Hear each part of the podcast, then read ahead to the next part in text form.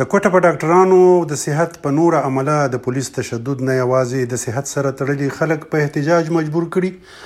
بلکې د پولیسو دې عمل ته ولس هم سخت غبرګون ښودلی دی. په سوشل میډیا هغه ویډیو ډېره خوره شوې ده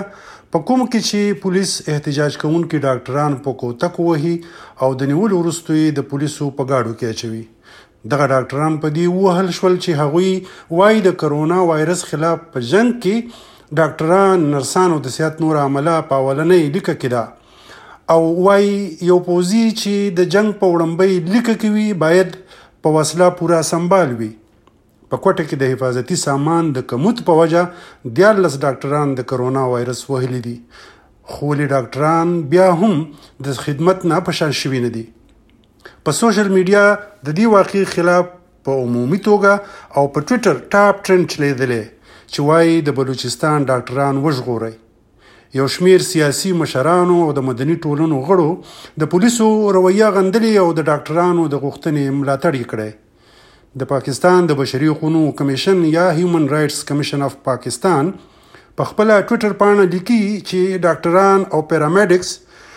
د کرونا وایرس خلاف په وړمبۍ کرښه کې دي او په دوی تشدد کول د منلو وړ نه دی.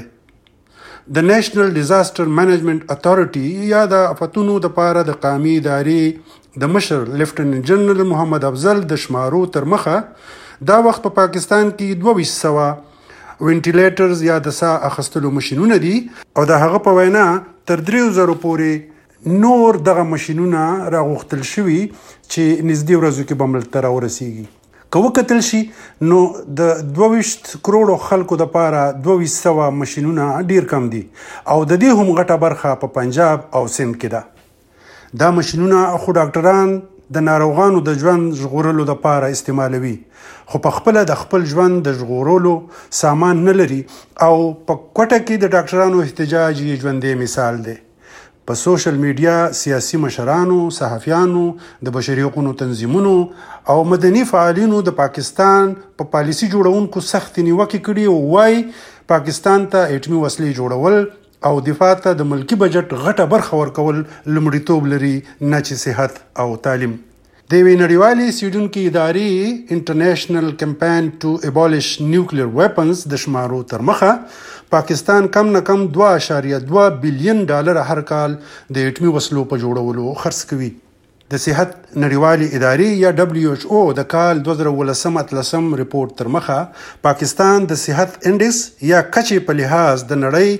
په یو سل یو کم نوي ملکونو کې په یو پنځوستم نمبر دی. د رپورټ له مخه په پاکستان کې اوس هم اته دېرش فیصده ماشومان سټنټ ګروث یا د عمر په لحاظ د قد وړوکي پاتې کېدلو سره مخ دي چې غټه وجه یې غربت ده او د خوراک، دوایانو او نورو ضروري اسانتیاو نشتوالی دی. د یوې بلې ادارې سنټر فار پیس اینډ ډیولپمنټ انیشیټو مطابق پاکستان د کال دوه زره نولس په بجټ کې د صحت او تعلیم په برخه کې کمی راوستلی دی. او د ماهرینو تر مخه د ملک د ټول پیداوار یا جي ډي پي یو فیصد نه هم کمه برخه صحت ته ورکړل کېږي. بلخوا هندوستان د کرونا وایرس د مخنیوي او خلکو ته د اسانتیا پیدا کولو په غرض په کم خرڅ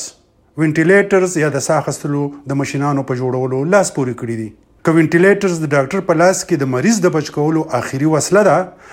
نو د خپل حفاظت لباس یا سیفټي کټ یې د خپل ژوند ساتلو یوه زغره ده.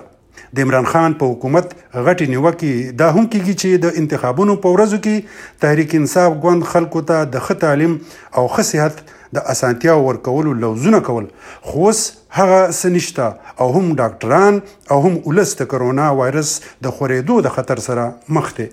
په سوشل میډیا په کوټه کې په ډاکټرانو د تشدد په حواله په پولیسو او امنیتي ځواکونو دا نیوکې هم کیږي چې تر اوسه پورې مو دې ډاکټرانو ته